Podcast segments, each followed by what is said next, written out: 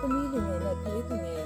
ဝင်ကြီးဌာနမှာပြောင်စုဝင်ကြီးနော်ဆူဇန်နာလှလှဆူဖြစ်ပါတယ်။ကျမတို့မကြခင်မှာဆိုလို့ရှိရင်16ရက်တာကာလာလှုပ်ရှားမှုစတင်တော့မှာဖြစ်ပါတယ်။အဲ့မှာနိုဝင်ဘာ25ရက်နေ့အားဆိုလို့ရှိရင်အမျိုးသမီးများပေါ်ကြံဖက်မှုမှာ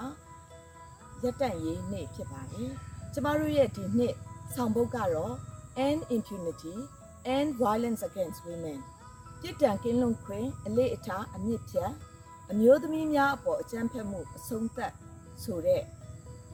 ခေါင်းစဉ်ပဲဖြစ်ပါတယ်။အဲ့ဒီခေါင်းစဉ်နဲ့ကျမတို့ဒီဒီ16ရက်တာလှုပ်ရှားမှုကိုဒီဖဲချိုးဖြူလေးတွေတက်ချင်းအားဖြင့်ကျမတို့ဒီအမျိုးသမီးများအပေါ်ကိုအကြမ်းဖက်မှုကိုလက်မခံပါဘူးဆိုတဲ့ကမ်ပိန်းလေးကိုဆင်နွှဲတာဖြစ်ပါတယ်။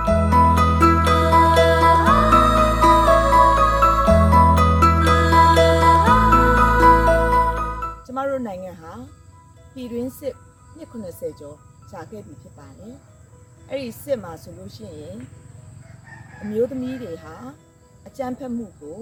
ခံစားရပါတယ်။ဤမျိုးမျိုးနဲ့နှိပ်စက်ညှင်းဆဲခြင်းကိုခံရပါတယ်။ကျမတို့အခုစကားစကနေပြီးတော့နိုင်ငံကိုအာဏာထိန်းဖို့ကြိုးစားတဲ့အချိန်ကစပြီးတော့အမျိုးသမီးတွေပေါ်တက်ရောက်မှုကအများကြီးပြင်းထန်ခဲ့ပါတယ်။တလောလုံးကချင်းပြည်နယ်နဲ့ ကချင်ပြည်နယ်မှာဖြစ်ခဲ့တဲ့အဖြစ်အပျက်ဆိုလို့ရှိရင်စကားစတပ်သားများမှအမျိုးသမီးတွေကိုအုပ်စုလိုက်မဒိန်ချစ်မှုတွေဖြစ်ခဲ့ပါတယ်။အင်မတန်ဆိုးဝါးတဲ့ကိစ္စတွေဖြစ်ပါတယ်။ဒါဆိုလို့ရှိရင်အခုမှမဟုတ်ပါဘူး။လွန်ခဲ့တဲ့အနှစ်80တည်းကကျူးလွန်နေတာဖြစ်ပါတယ်။ဘာကြောင့်လဲဒီကျူးလွန်တဲ့လူတွေဟာပြစ်ဒဏ်ကင်းလွန်ခွင့်ရနေလို့ဖြစ်ပါတယ်။ဒါကြောင့်ဒီနေ့ကနေစပြီးတော့ကျမတို့ဒီ ကျူးလွန်တဲ့လူတွေကိုပြစ်ဒဏ်ချမှတ်ခံဖို့အတွက်ကျမတို့ဆက်လက်ကြိုးစားသွားရမှာဖြစ်ပါတယ်။ပြည်တွင်းဥပဒေသားမကပြည်ပဥပဒေနိုင်ငံတကာဥပဒေ